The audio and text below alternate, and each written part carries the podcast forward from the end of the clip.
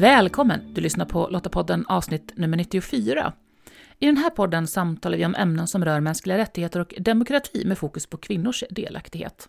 Och det gör jag, Maria Öst, tillsammans med personer som på olika sätt arbetar för att skapa ett säkrare och tryggare samhälle. Lottapodden den är producerad av Svenska Lottakåren och vi är en frivillig försvarsorganisation som engagerar och utbildar kvinnor för att stärka samhällets krisberedskap och totalförsvaret. Just nu när det här avsnittet publiceras så är vi mitt i krisberedskapsveckan. Och krisberedskapsveckan det är ju en årlig informationskampanj som ska öka människors motståndskraft inför just samhällskriser eh, och ytterst krig.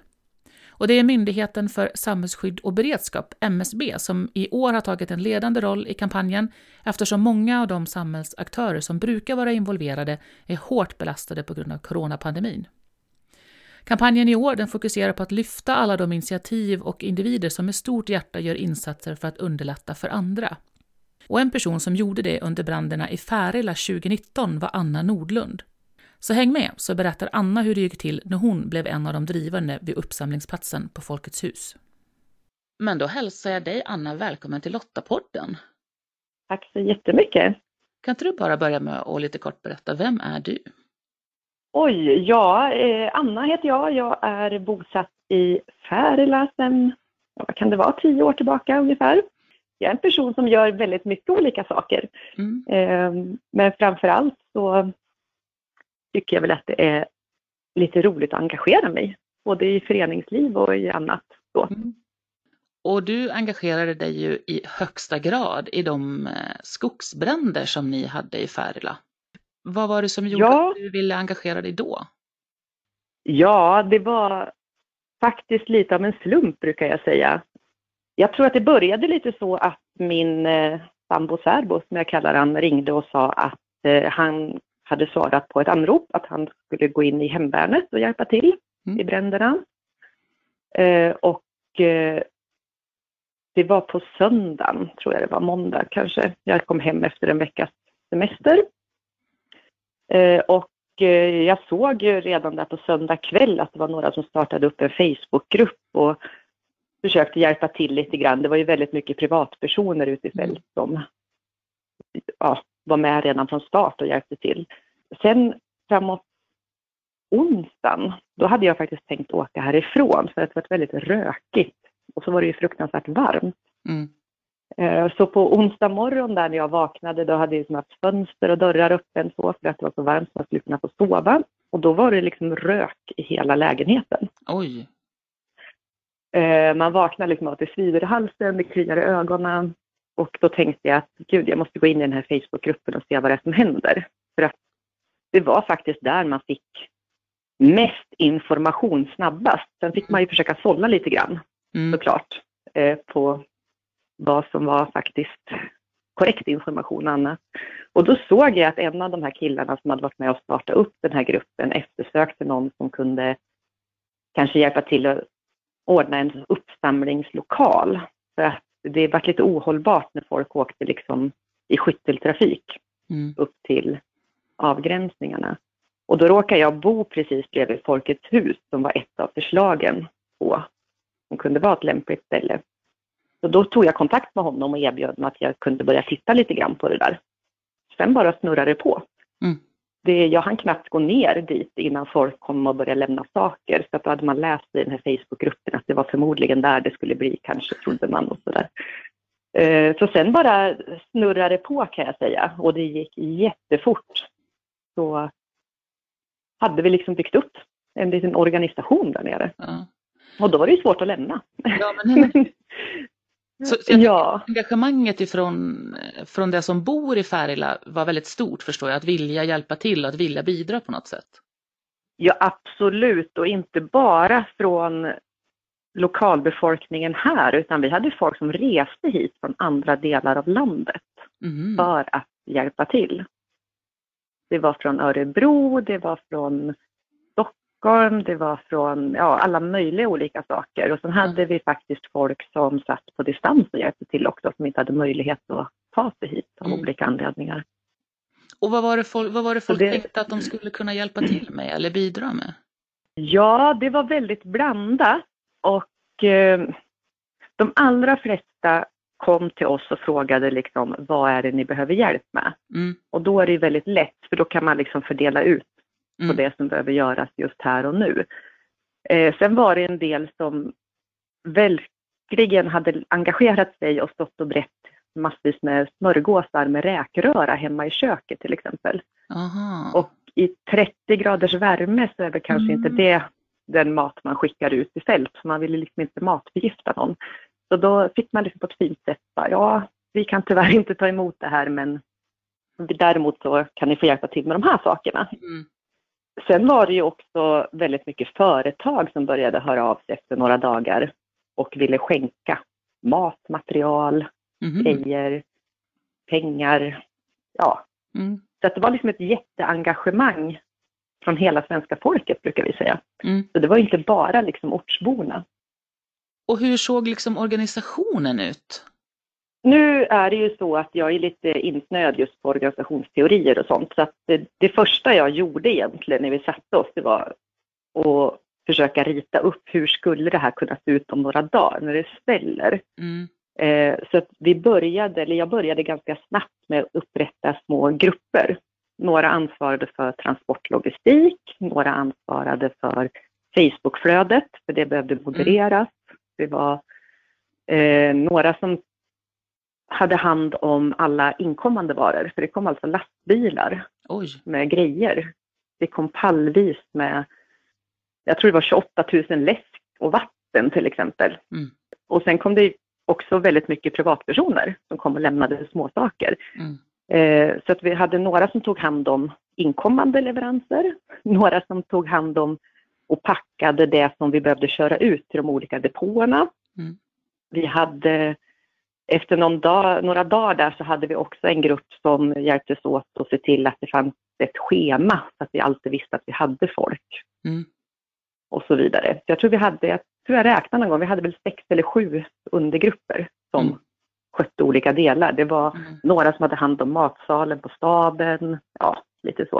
Mm. Så att väldigt mycket självgående grupper, men samtidigt var vi väldigt noga med att hela tiden bryta för information för att alla ska ha samma information och veta vad som var på gång.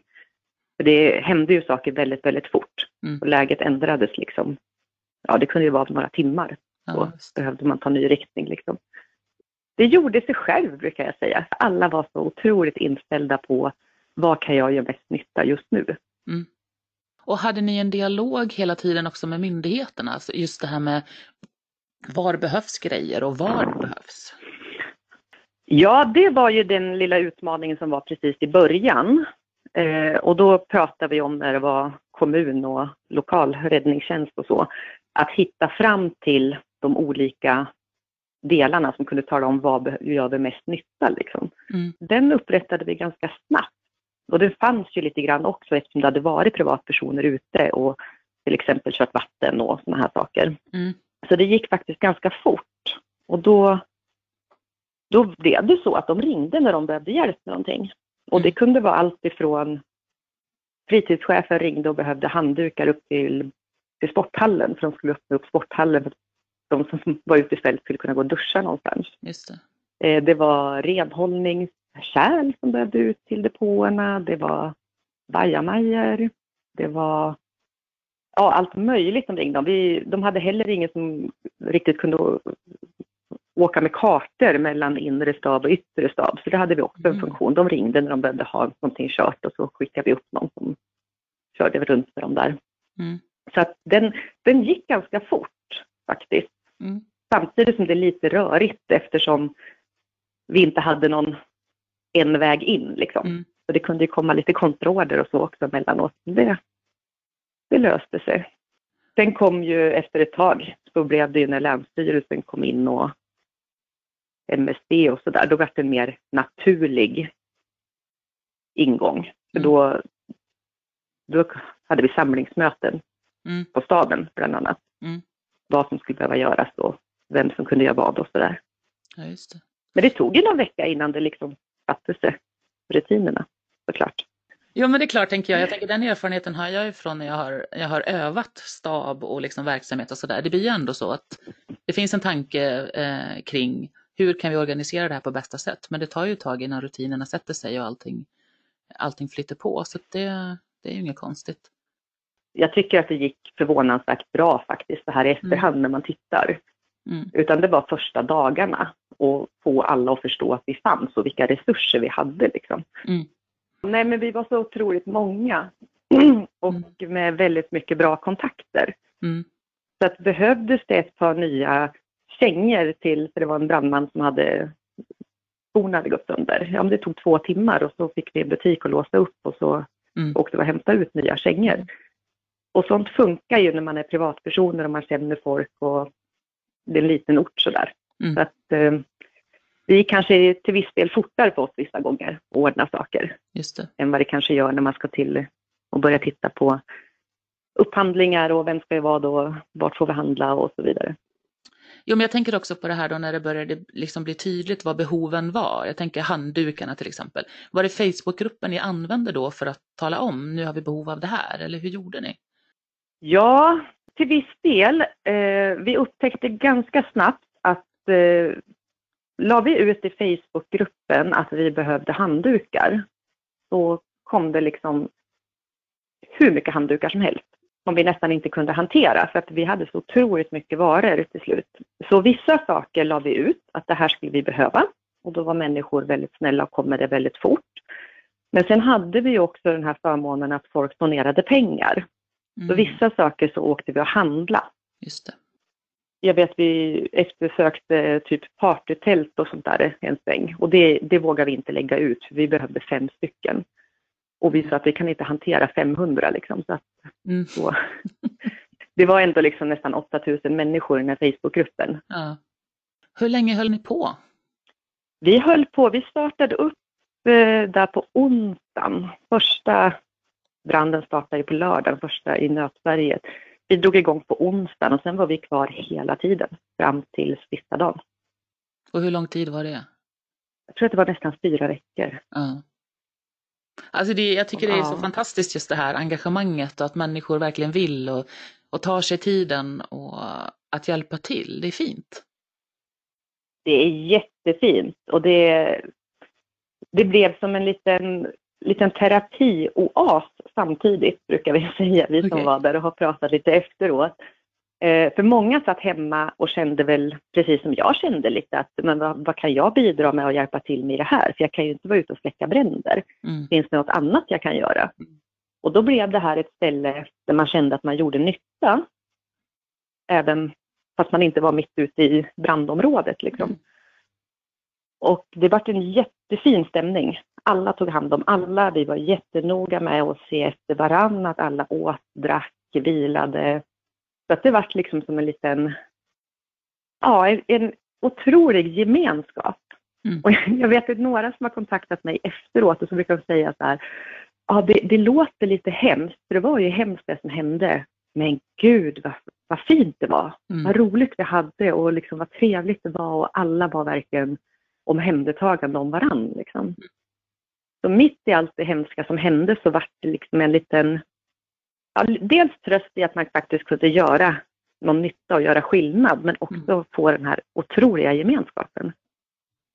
Och nu när det har gått en tid då, vad, vad upplever du att du har fått med dig från den tiden?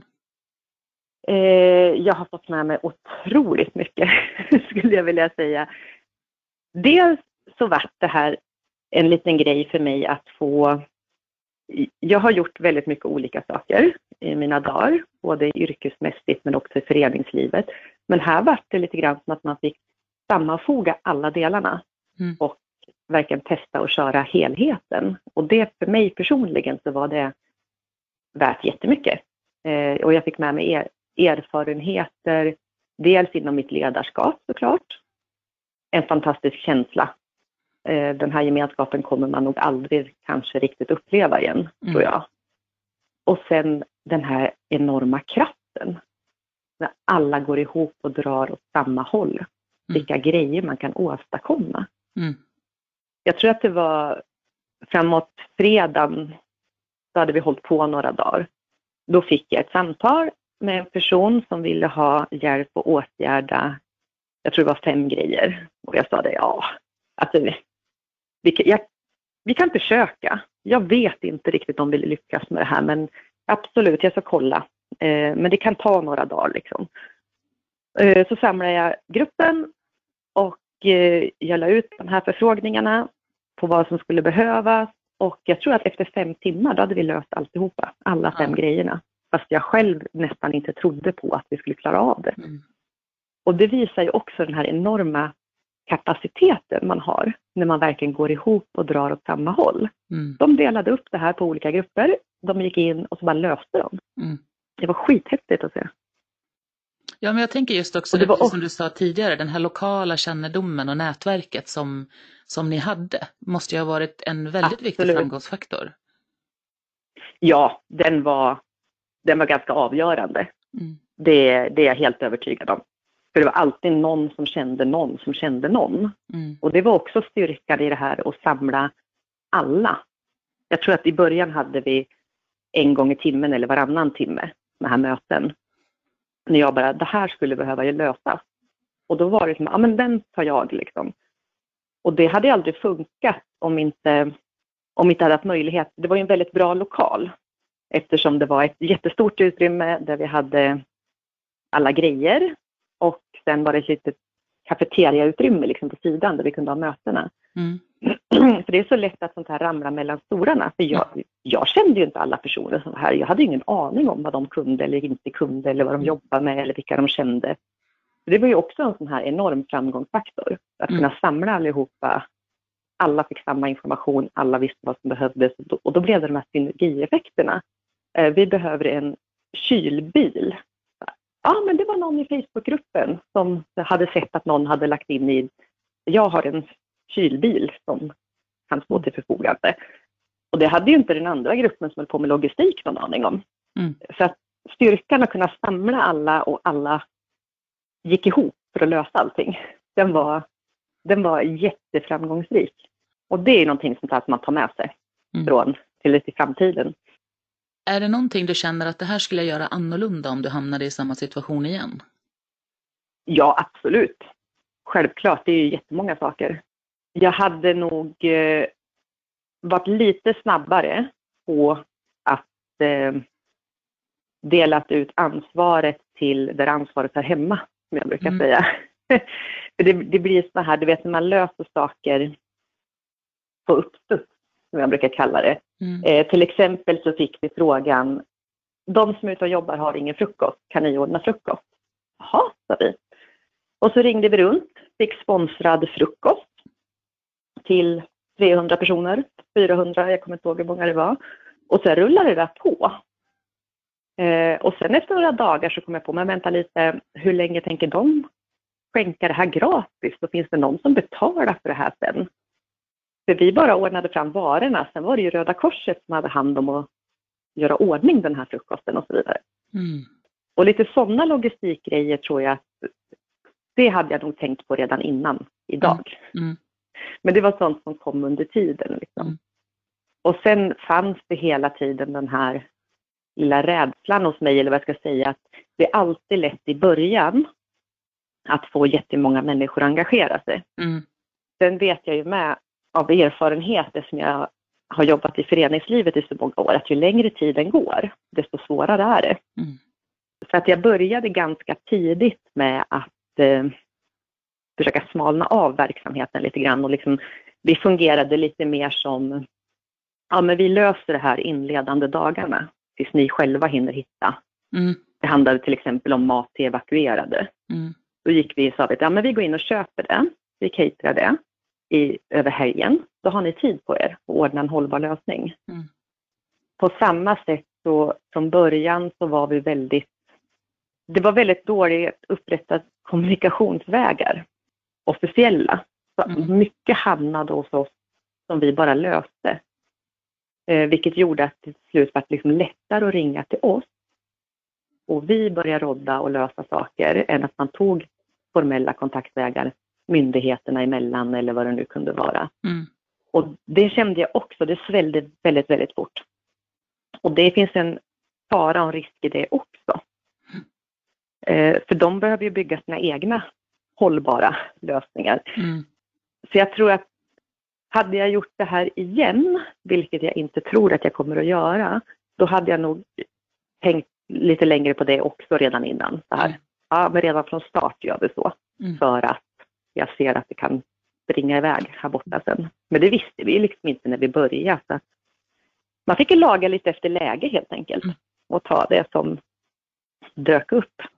Ja, jag tänker varje situation kommer ju vara unik också. Ingen kommer ju vara exakt lik det som redan har hänt. Så det... Ja, men jag tänker att det finns Nej. ändå liksom lite generella saker sådär som, ja men det här är ju bra att tänka på. Liksom. Ja, och framför allt så tänker jag att eh, jag tror att jag har sagt det i någon utvärdering också. Det här ska egentligen ske under ordnade former. Det ska Mm. finnas en paraplyorganisation som har ansvaret Mm. för att eh, hade det funnits en SRG i den här kommunen så kanske det var de som hade gjort många av Mm. de här delarna, men på ett redan organiserat sätt. Mm. För lite grann blir det så att det blir väldigt många som springer på många bollar Mm. och det är inte effektivt. Liksom. Mm. Nej, men det är klart att det finns massvis med saker. Sen var det säkert massvis med beslut som togs i, i stunden. Mm. Så man efteråt kan se att ja, men hade jag vetat allt det här, då hade jag kanske bestämt något annorlunda. Men så ser det ju inte ut i sådana här situationer. Man får ju ta liksom, beslut utifrån den information man har Mm. och göra det bästa av det. Liksom. Vad skulle du vilja ge för tips till människor som vill engagera sig då? Jag tänker om en, en situation uppstår igen där eh, individer känner att Nej, men här vill jag göra någonting, jag vill hjälpa till. Vad skulle du ge för medskick till dem att tänka på innan de eh, åker iväg med räksmörgåsarna?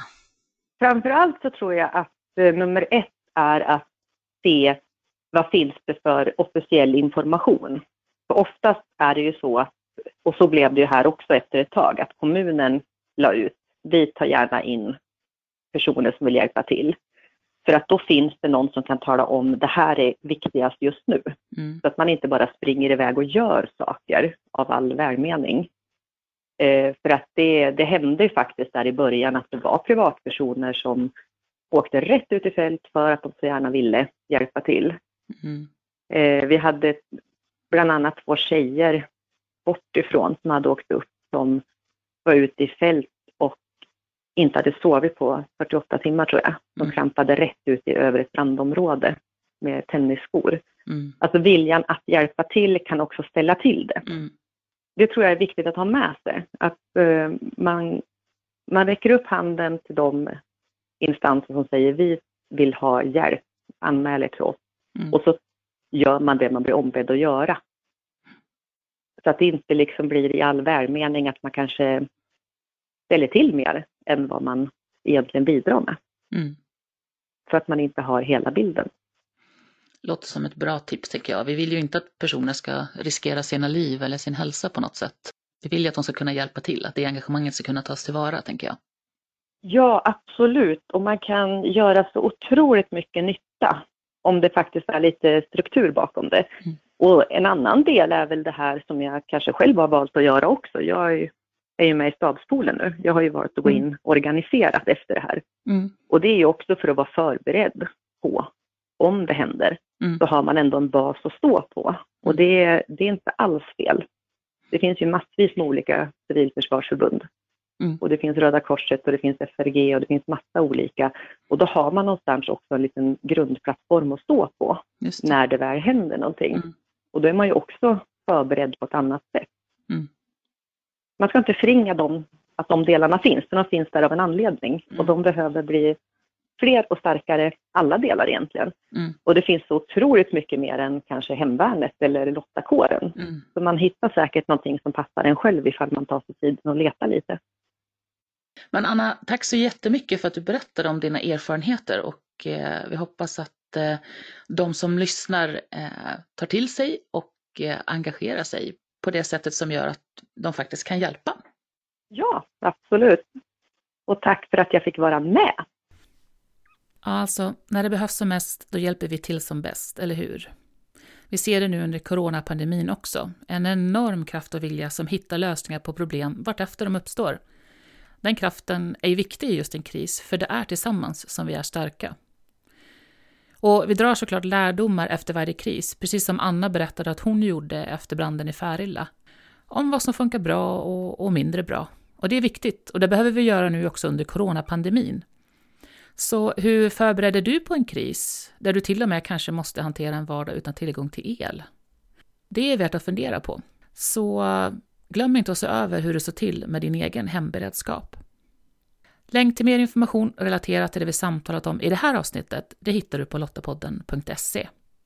Och om du, precis som Svenska Lottakåren, tycker att fred, demokrati och mänskliga rättigheter är värda att försvara och du vill bidra till vårt samhälles krisberedskap och totalförsvar, ja men gå då till svenskalottakåren.se. Där hittar du information om hur just du kan bidra.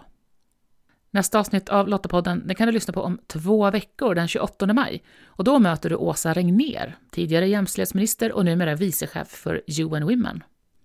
Och vårt samtal handlar om hur coronapandemin påverkar kvinnor och vad UN Women gör för att säkerställa att kvinnors behov tas tillvara och att kvinnor får vara med och påverka.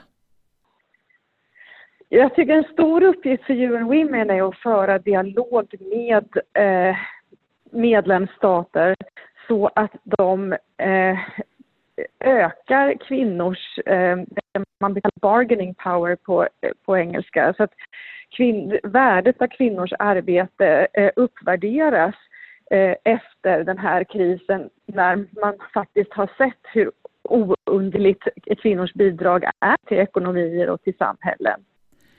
Så om du inte redan gör det, prenumerera gärna på Lottapodden för att säkerställa att du inte missar nästa avsnitt. Du hittar podden i Apple Podcast, Podbean eller på Spotify. Och om du gillar Lottapodden, berätta gärna för andra om den så att fler hittar oss. Och tack för att du lyssnar. Hej så länge!